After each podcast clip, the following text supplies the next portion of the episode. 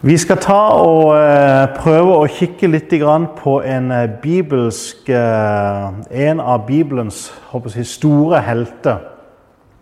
Og det er faktisk en av mine favoritter når det kommer til jeg, mange av de her heltene som vi leser om i Det gamle testamentet. Og det er Daniel. Profeten Daniel. Eh, han er en utrolig interessant eh, skikkelse. Eh, faktisk så tror jeg han er nok en av de profetene som Jesus siterer mest. Jeg har ikke sjekka det sånn helt grundig, men han er iallfall en av de profetene som, som, Jesus siterer, spesielt når det kommer til endetida. Men eh, historien om Daniel tror jeg har faktisk utrolig mye å lære oss, òg i den tid som vi lever i nå. Eh, så tror jeg faktisk eh, Daniels historie og Daniels liv har faktisk utrolig mye å lære oss. Så vi skal prøve å se litt på, Daniel og hva vi kan lære av Daniels liv. Eh, for å gi litt bakgrunnskunst, eh, så, var Daniel han var en ung mann som ble bortført fra Israel til, til Babylon når Israel ble inntatt. Nebukadnesar bestemte seg for å ta, de, si, ta noen av de beste i Israel og bringe dem til Babylon, hvor han ønsket å gi dem eh, si, babylonsk opplæring, trening. Eh, de skulle tjene ved kongens slott. De skulle, ja, de skulle tjene han. Så de som ble utvalgt til å komme der, det var ikke noen hvem som helst. Det var noen som, eh, som var håper si, begava folk, som kom fra gode familier. Eh, og Nebukadnesars tanke var at han skulle gjøre de håper si, babylonske Eh, han skulle ta og sørge for at eh, deres tankesett og deres eh, Ja, de, de skulle håper jeg, føye seg, bli sånn som folk var i Babylon. Så blant de som han håper jeg, bortførte, så var Daniel og hans venner. Og faktisk Daniels venner er òg faktisk noen vi kan lære ufattelig mye av Eh, vi skal ikke se så mye på det nå, vi skal se litt på det. Men eh, det å se på Daniels venner er faktisk òg en utrolig eh, lærerik ting for oss i dag. Men vi skal se litt spesielt på Daniel og hva Daniel kan lære oss. Hvilken si, life lessons som, som, vi kan finne i Daniel. Og jeg tror noe av det første, Når du begynner å lese Daniels bok, så tror jeg noe av det første du legger merke til med Daniel, det var at han var en som ikke kompromissa. Eh, han var ikke en som eh, hele tida skapte problemer og ikke ville underordne seg og eh, hadde sine egne ideer og tanker og som var vanskelig å samarbeide med. Absolutt ikke. Men samtidig så var det noe over Daniel. Han var prinsippfast når det kom til, det kom til ting som hadde med hans gudstro å gjøre. Eh, og det kommer til syne faktisk allerede i kapittel 1. Eh, der håper jeg, Daniel og de har blitt bortført. Og som en del av deres eh, opplæring så skal de bli servert håper jeg, kongens gode mat vin og kjøtt og gode retter. Eh, og det er klart Daniel 1 er jo sikkert alle vegetarianeres yndlingskapittel. Eh, fordi at I kapittel 1 så ser vi at Daniel og hans venner de vil ikke spise jeg, det kjøtt og den vinen som blir servert. Nå tror jeg ikke nødvendigvis at dette er pga. et forsvar for det å være vegetarianer. Men litt av bakgrunnshistorien så vidt jeg har forstått når jeg har lest eh, bibelkommentarene, er at dette kjøtt som ble servert, det var noe som var blitt ofra til avgudene. Og, og, Det avslører litt når det kommer til, til hva slags type person Daniel var. Fordi at Ifølge jødisk tradisjon og lov og regler, så skulle du ikke spise kjøtt som var blitt ofra til avgudene. Eh, så derfor, når, når Daniel og de blir servert denne maten, så, så handler det ikke så mye om, om uh, spisevaner. Men det rører ved Daniel og hans venners tro. fordi at det å spise dette kjøtt, det ville bety at de måtte kompromisse på sin standard når det kom til den, den tro og den religiøse overlevering som de hadde fått. Og der ser vi at der er Daniel ikke villig til å gå på kompromiss. Eh, han, han, tjente kongen, og han gjorde det han skulle, men akkurat når det kom til hans gudstro, så var han ikke til å rokke. Der, der var han fast bestemt. og Det, det samme gjelder òg eh, Daniels venner. De var av samme karakter. Når det kom til deres gudstro, så kunne du ikke rokke dem. Da sto de bom fast. Og det er noe som jeg tror vi kan lære mye av i dag. Jeg tror ikke kristne skal være kjent for å være de som eh, si, protesterer mot alt og alle ting. Eh, samtidig så tror jeg det er viktig at vi som kristne er folk som står fast når det kommer til Guds ord og hva Guds ord sier. Og Kanskje spesielt i den tid som vi lever i i dag, hvor alt er relativt og alle nærmest lager sin egen religion. og Hvis det føles godt for deg, så er det fint for deg. Og hvis noe annet føles godt for meg, så skal jo jeg selvfølgelig gjøre det. Nei, det er viktig at vi som kristne, vi som Guds folk, at vi er folk som står opp for Bibelens ord, og som ikke er villige til å kompromisse på Bibelens sannheter. Vi kan vi skal hjelpe, vi skal være vennlige, vi skal være gode mot eh, naboer og venner og gjøre det vi kan for å eh, hjelpe i samfunnet rundt oss. Men når det kommer til Bibelens sannheter, så er det viktig at vi er et folk som ikke går på kompromiss. Og det ser vi i Daniels liv. I Daniel 1, eh, 8, så sier Daniel når de blir servert denne maten, så sier Daniel, så står det Daniel bestemte seg for at han ikke ville gjøre seg uren med maten og vinen fra kongens bord. Han ba hoffsjefen om å slippe å gjøre seg uren. Her kommer det fram at det, var, ikke, det var, ikke, kun det at han ikke ville spise kjøtt, men, men det hadde si, med at dette kjøttet var blitt ofra til avguder. Eh, det var noe som ville gjøre han uren om han spiste det, ifølge jødedommen. Daniel han var jøde. Eh, det var hans oppvekst, og han var det jødiske folk. Han fulgte de lover og de regler som, som, Gud hadde gitt til Moses. Og Vi skal ikke gå inn på det nå, men, men det vi ser her, det er at for Daniel så betydde det mye å være trofast imot Gud. Selv om det betydde at han kanskje ble upopulær blant uh, de andre som var rundt, uh, rundt han, uh, mot ja, de lover og de regler som, som, kongen hadde satt opp, at sånn skulle det være. Han ville gjerne følge det, men når det kom til ting som rørte ved hans gudstro, så sto han fast. Det tror jeg er så viktig at vi som som kristne er av den samme karakter.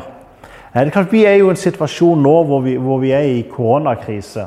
Og eh, det er restriksjoner som blir lagt på, og jeg vet at det er mange som ikke liker disse her restriksjonene. og eh, Mange som kanskje mener at hele denne her pandemi og de her tingene at kanskje ikke det er eh, håper å si, sånn som media sier, og det tror jeg absolutt at jeg tror ikke man får det fulle og det sanne bildet med å, å håper å si, følge sosiale medier eller følge mainstream media. Eh, men uansett så, så, er det viktig for oss eh, som Guds folk å vite at i den situasjonen som vi er i nå, så, så, har vi faktisk mulighet til å være lys i mørket. Eh, selv om jeg ikke tror at denne jeg, pandemi er av Gud, så tror jeg at det er Gud han kan bruke selv denne situasjonen til noe godt, om vi er villige til å, til å lytte til hans røst i den tid som vi lever i. Og det, det var det Daniel og de gjorde. De, de, var i fangenskap, de levde under restriksjoner. Eh, mye verre restriksjoner håper jeg, enn det vi har i dag. Men allikevel så Midt i det presset og i, i, i, det at de var bortført som fange, midt i det, så, så formådde de å kunne tjene Gud og være tro imot Hans ord. Noen ganger så betydde det at de måtte håper si, reise seg opp og bli litt upopulære. Men da var det ok. Da, da gjorde de det, og Gud var med dem midt i det. Et, et annet tilfelle hvor vi ser Daniel eh, eh, Hans eh, kompromissløshet, det er i Daniel 6. For i, i Daniel 6 så har kongen innført en lov hvor, eh, hvor han sier at eh, de neste 30 dager så skal, så skal, man ikke be til noen enn andre enn til han. Det forteller oss litt om hva slags type Nebukadnesar var. Jeg tror vi godt kan si at han var jeg, ganske full av seg sjøl. Eh, så kongen han jeg, innfører denne lov der for de neste 30 dager så skal man kun be til han. Hva gjør Daniel så? Når Daniel får vite at denne loven jeg, er innført, så står det i Daniel 6,11 Så snart Daniel fikk vite at skrivet var satt opp, gikk han hjem. I takkekammeret hadde han åpne vinduer som vendte mot Jerusalem. Tre ganger om dagen falt han på kne for sin Gud med bønn og lovprisning, for slik hadde han alltid gjort. Slik hadde han alltid gjort. Hva var Daniels respons til den loven som kongen akkurat hadde innført? På dette tidspunktet så, så arbeidet Daniel for kongen. og når man leser, så ser man at det var helt tydeligvis at kongen hadde et godt forhold til Daniel. Kongen likte Daniel. Eh, så det var ikke fordi at Daniel var opprørsk eller at Daniel jeg, var vrang å ha med å gjøre. Samtidig så ser man at så fort denne loven kommer opp Det første Daniel gjør, det er at han går hjem til sitt bønnkammer eller eh, takkakammer, som det står her. Og så faller han på kne, som han alltid har gjort. Som han alltid har gjort. Det står her For slik hadde han alltid gjort. For bønn var, For Daniel så var bønn en livsstil. Det var ikke noe han gjorde kun når han kom i problemet. Nei, bønn, det var det var Daniels livskilde. Det var hans fellesskap med Gud. Så når den loven kom at det var ikke lov til å be til noen andre til Nebukadneser, hva gjør Daniel? Han gjør det han alltid har gjort. Han går inn på sitt værelse. Det er interessant å legge merke til det står her at vinduene var åpne, eh, vendt mot Jerusalem. Det er nesten som om Daniel håper jeg, gjør, han, han prøver ikke å legge skjul på i det hele tatt at nå ber jeg, og jeg ber ikke til kongen, jeg ber til Israels Gud. Det er han mine vinduer er vendt mot, det er han jeg tilber, han og ingen andre. Daniel gjør ingen forsøk på å skjule hvem han ber til. Selv om det er satt opp en lov om at dette ikke er lov. Det forteller litt om hva slags type Daniel er. Det forteller oss at bønn for han, det var en livsstil. Du vet, Mange kristne de begynner å be når de kommer inn i problemet.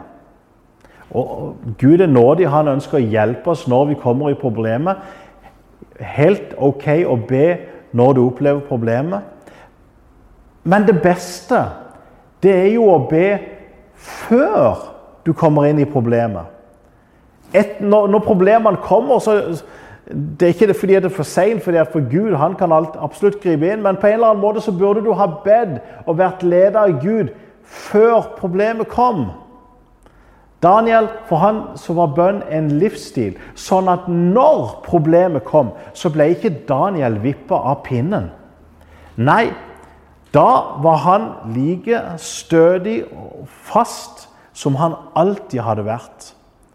Når, når bønn blir en livsstil for deg, så betyr ikke det nødvendigvis at du aldri kommer inn i problemet. Men det gjør at når du kommer inn i problemet, så har du en helt annen styrke til å håndtere de problemene.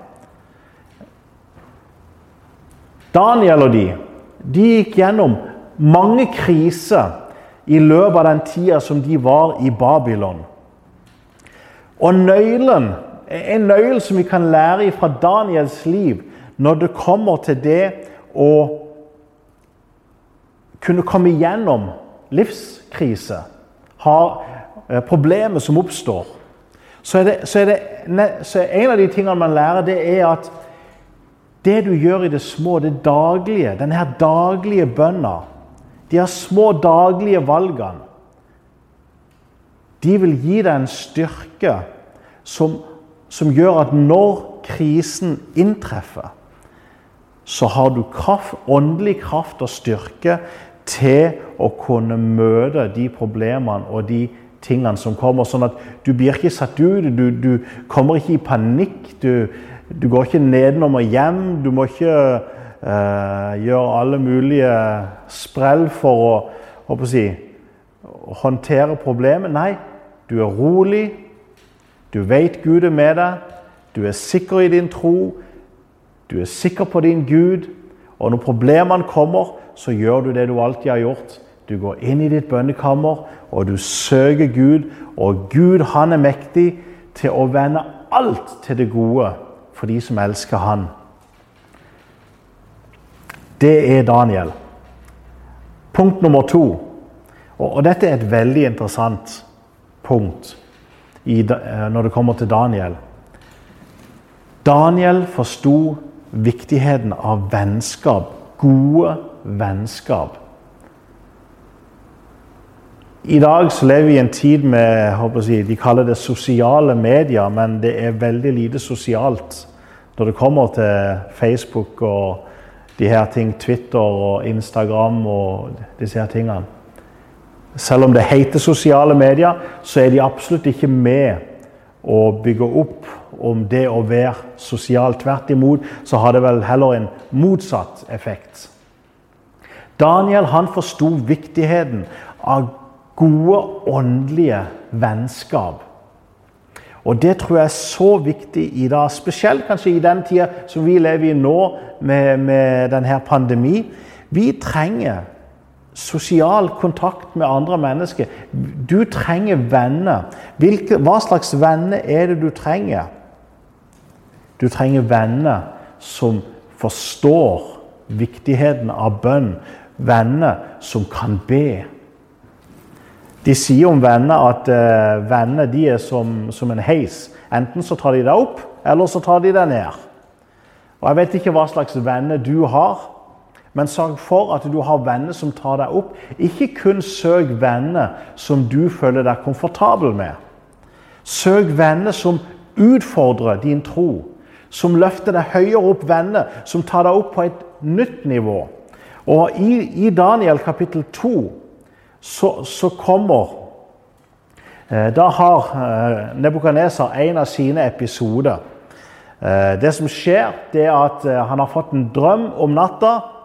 Og han forstår at denne drømmen er viktig. Han forstår bare ikke hva drømmen betyr.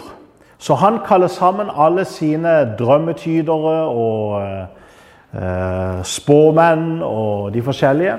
Og, de skal da tyde drømmen, og de er klare. De sier yes, vi skal tyde drømmen. Bare fortell oss drømmen, så, eh, så skal vi tyde den. Men Nebukadneser han, han, har bestemt seg for å ta drømmetydning jeg, opp til et nytt nivå. Vanligvis så er jo drømmetydning det er jo at du forteller meg drømmen, og så kan jeg fortelle deg hva drømmen betyr. Nebukadneser tar det opp til et nytt nivå. Han sier nei. Eh, jeg vil være sikker på at det, der, det dere sier, det stemmer. Fordi han forsto at den drømmen han hadde fått, at den var så viktig at han hadde ikke råd til at denne her skulle bli tyda feil. Så han sier for, for, at jeg skal være sikker på at den tydninga som dere gir meg, er riktig, så skal dere først fortelle meg hva jeg har drømt, og så skal dere tyde drømmen for meg. Og du vet, Det gikk kaldt nedover ryggen på disse her eh, drømmetyderne. For ingen konger hadde jo, kunne jo finne på hadde jo spurt om noe sånt her før. Det var jo umulig, det Nebukadneser ba de om å gjøre. Og Nebukadneser ble ikke særlig glad eh, over dette her. Eh, og de her drømmetyderne de, de, aner jo ikke hva de skal gjøre, fordi de forstår jo at vi kan jo ikke bare si han har drømt et eller annet, fordi så vil han jo vite at vi ikke vet hva han har drømt. Så Nebukadneser han blir sint, han tenner på alle pluggene, og han bestemmer seg for å drepe alle håper jeg, magikere og drømmetydere og visermenn i hele sitt rike. En ganske drastisk beslutning. Forteller oss òg litt om hva slags type Nebukadneser var. Nå fikk Nebukadneser et sterkt møte med Gud takket være Daniel. Men eh, helt tydelig her så, så var Nebukadneser oppe og kjøre litt. Så han bestemte seg for å drepe alle visemenn og drømmetydere og magikere og alle de her. Det inkluderte Daniel og hans venner. Så plutselig så får Daniel besøk. Og det er en av kongens jeg, soldater som kommer der. Og Daniel får høre situasjonen, og han får høre hva som har skjedd. Og det er nesten som om Daniel sier ja, men der skulle jo bare komme til meg først. Eh, bare fortell kongen at jeg kommer til han i morgen, så skal jeg fortelle han hva drømmen betydde. Visste Daniel hva kongen hadde drømt? Nei. Hva gjør Daniel så? Når han lukker døra, og når han har lukka døra Det første jeg tror han gjør, det er at han roper 'hjelp'. Jeg trenger hjelp. Hva skal jeg gjøre?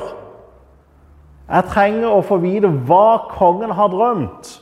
Ja, men det er jo umulig. Du kan ikke vite hva en annen person har drømt. Nei, ikke menneskelig sett.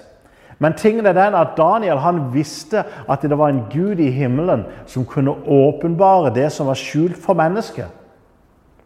Så hva er det Daniel gjør? I Daniel 2, eh, vers 17 og 18, så står det så, så gikk Daniel hjem og forklarte saken for vennene sine. Hanaya, eh, Mishael, eh, Asaria. Eh, de skulle be Gud i himmelen om å vise barmhjertighet og åpenbare dette mysteriet, så Daniel og vennene hans ikke skulle gå til grunne sammen med resten av visemennene i Babel. Hva er det Daniel gjør? Han går hjem, og så står det han forklarte saken for vennene sine. Jeg liker den setninga. Han gikk hjem og forklarte saken for vennene sine. Og hva gjør de? Jo, de bestemmer seg for å be. Fordi de visste at selv om denne situasjonen ser umulig ut, rent menneskelig sett, så visste de at det fins en Gud i himmelen som er i stand til å åpenbare det som er skjult for mennesket. Så de begynner å be, og sånne venner er det du trenger. Du trenger venner som kjenner Gud. Venner som vet hvordan de skal be. For sånne venner de får ikke panikk når plutselig det oppstår en umulig situasjon.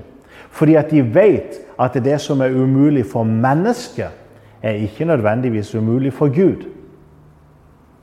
Sånne venner, Sørg for at du har noen sånne venner at du har noen venner som, som vet hvordan de skal be, som vet hvordan de skal søke Gud når det umulige oppstår. Vi går litt fort videre.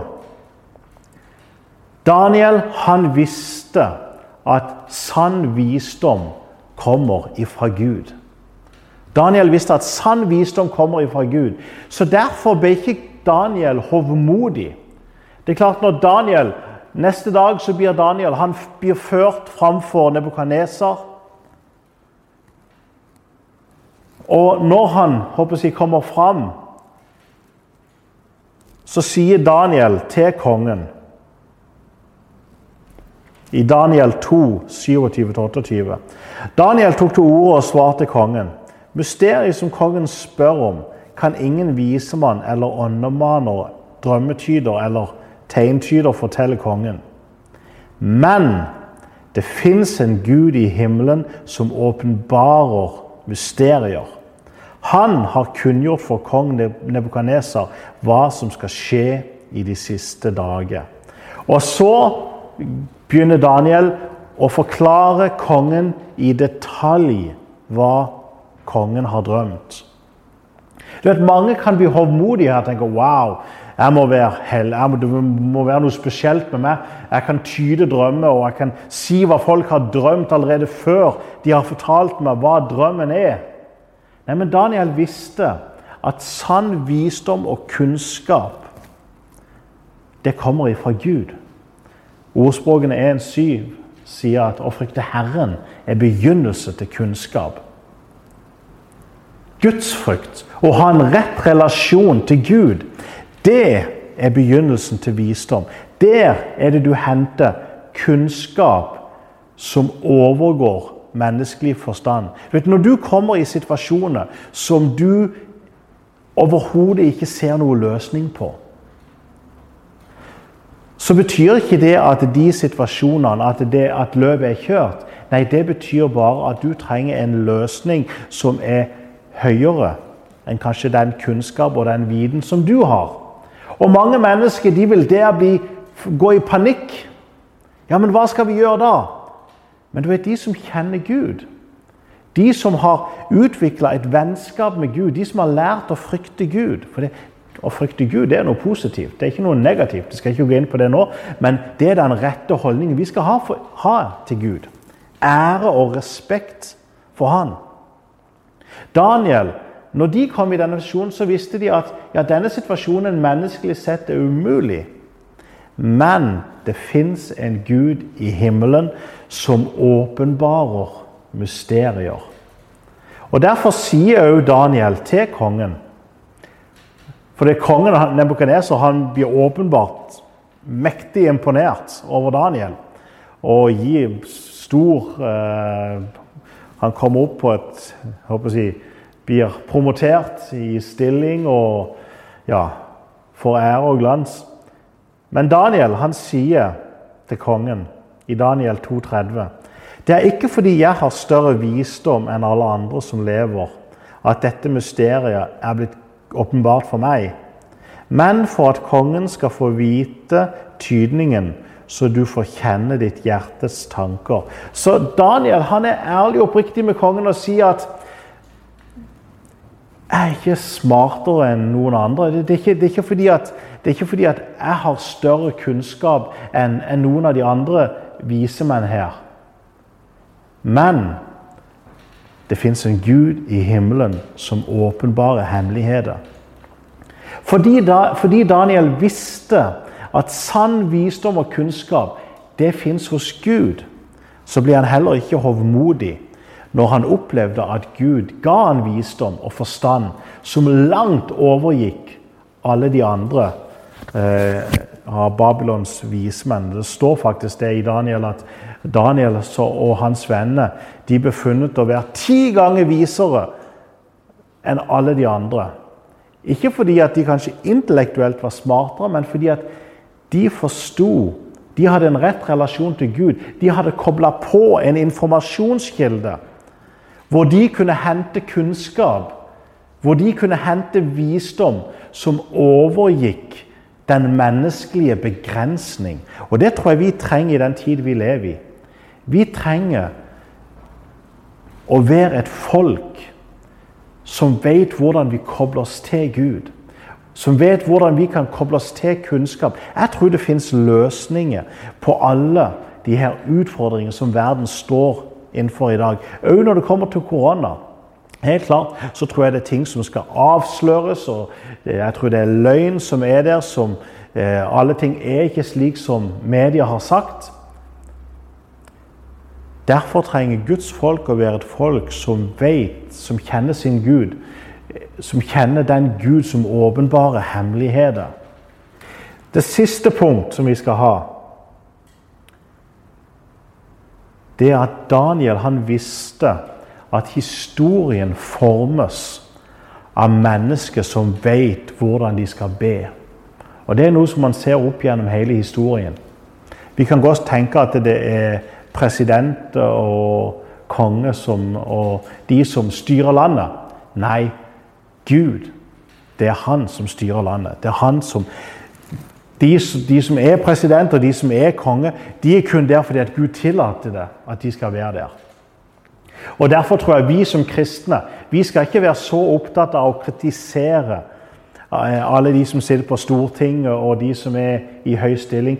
Vi skal heller be at Gud må sette inn de riktige folk i de riktige posisjonene. For det er nemlig et område hvor vi kan ha innflytelse. Jeg tror faktisk at menigheten har en langt større betydning når det kommer til, til de ting som skjer, enn det vi faktisk er klar over. Daniel han var en person, han visste at historien formes av folk som ber. Så når, når, når ting skjedde, så visste Daniel at den riktige respons det var ikke å gå i protesttog. Den riktige respons det var å gå inn i sitt bønnekammer. Det var å gå til sine venner. Det var å begynne å søke Gud. Det var den riktige respons.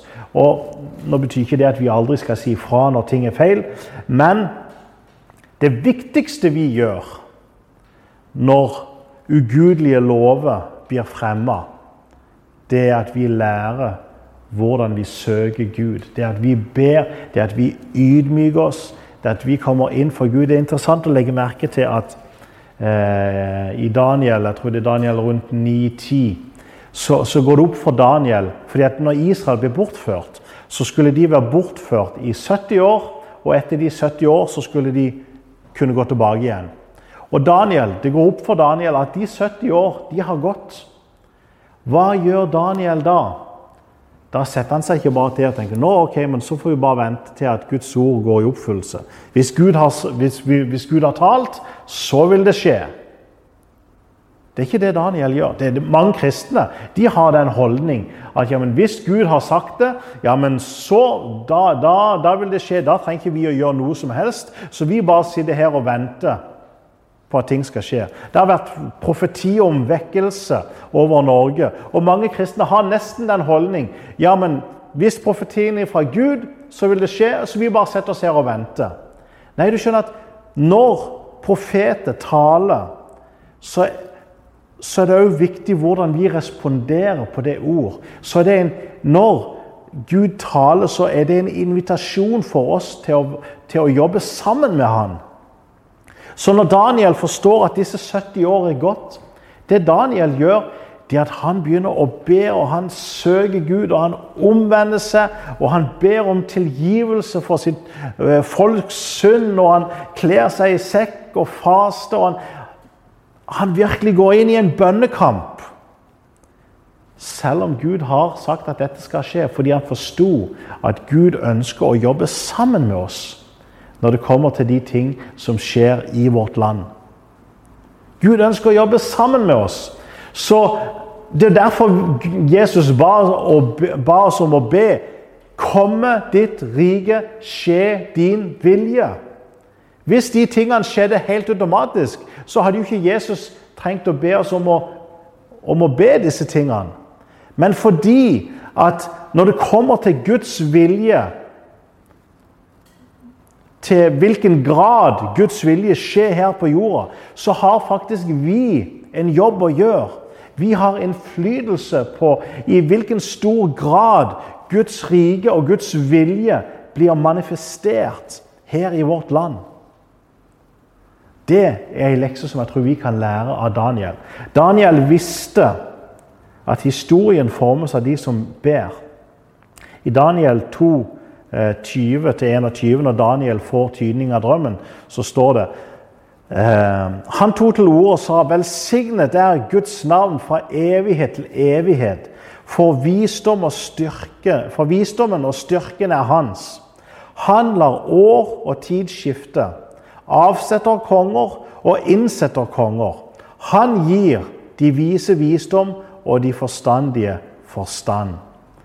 Daniel visste at det er Gud som innsetter konge, og det er Gud som avsetter konge. Det betyr at vi kan være med og ha en innflytelse på hvordan vårt land styres. Ikke nødvendigvis ved at vi blir den neste president. Mange tenker at det er den eneste måten vi kan ha innflytelse i vårt land, det er ved at vi kommer i en posisjon, eh, blir president eller politiker eller disse ting. Helt fint, du må gjerne bli politiker. Jeg tror absolutt at vi trenger kristne politikere. Daniel han var jeg, den datidens politiker. Josef han var politiker. Så ingenting feil med å være, være, politiker, men du skjønner, den innflytelse vi har, den har vi ikke fordi at vi, er, at vi blir, jeg, kommer i en viktig posisjon. Den innflytelse vi har, den har vi ved at vi har kontakt med Gud, og at vi vet hvordan vi ber. Og når vi vet hvordan vi søker Gud i bønn, så kan vi ha innflytelse ifra vårt lønnekammer. Da kan vi fra våre lønnkammer være med og styre ting som skjer på Stortinget. Ved at vi har lært oss hvordan vi skal be. Og det var det Daniel gjorde. Hvis, vi har ikke tid til å gå sånn inn i dybden på det her. Men du vet, når Daniel gikk inn i sitt lønnkammer og ba, så forløste han en åndelig krig. Som vi leser om i Daniel 9 og 10. Engler ble satt i sving. Det skjedde en kamp. Og fordi Daniel ba, fordi Daniel holdt ut i bønn, så leser vi om hvordan Mikael kunne komme med budskap til Daniel. Han var blitt forhindra i Persia. Eh, men så fikk han hjelp åndelig. Eh, Gabriel kom og hjalp han. Og så ble han satt fri, så han kunne komme med det budskap som han trengte å komme med, til Daniel. Daniel løste situasjonen. Ikke fra sin posisjon som politiker, men fra sin posisjon som et Guds barn som forsto viktigheten av å søke Gud i sitt lønnkammer. Vi kan forandre vårt land, vårt lands tilstand, men vi forandrer det ikke ifra Stortinget. Vi forandrer det ifra vårt bønnekammer. Der er det den virkelige krigen vinnes. Det er en frase som kommer fram helt til slutten i eh, Daniels bok. Jeg ønsker å slutte med å lese det. Det er bare en del av et vers. Mot slutten av Daniels bok så kommer det jo flere visjoner, og eh, Daniel får innsikt i hva som skal skje i de siste tider. Men så er det en frase der som som virkelig har runga i mine ører i det siste. Og, og min bønn er at denne frasen òg må runge i dine ører. Det er Daniel 11, 32, hvor det står at Men det folk som kjenner sin Gud, skal stå fast. Men det folk som kjenner sin Gud, skal stå fast. Kjenner du din Gud? Hvis du kjenner din Gud, så blir ikke du rysta av korona. Hvis du kjenner din Gud, så blir ikke du rysta eller satt ut av spill av de restriksjoner som er akkurat nå. Hvis du kjenner din Gud, så blir ikke du satt ut av spill for det om regjeringa innsetter noen lover eller regler som, som går imot Guds ord, fordi at du vet hvordan ting forandres. Og du vet hvordan historien formes, og du vet hvilken makt du har som Guds ambassadør, som Guds barn. Du vet hvilken makt du har når du går inn på ditt lønnkammer. Enten om du gjør det alene, eller om du går til dine venner, sånn som Daniel òg gjorde, og begynner å be. Det folk som kjenner sin Gud, skal stå fast. La det runge i dine ører. Og min bønn er at det må vekkes en lengsel i ditt indre etter å bli som Daniel. Den integritet som han hadde, det gudsforhold han hadde, det, det bønnelivet han hadde. Den visdom han hadde, var et resultat av hans relasjon med Gud. Helt sikkert Daniel han var flittig i sine studier, absolutt. Men den visdommen han hadde, det var et resultat av hans relasjon, hans forhold til sin Gud. Han kjente sin Gud. Det folk som kjenner sin Gud, skal stå fast. Amen.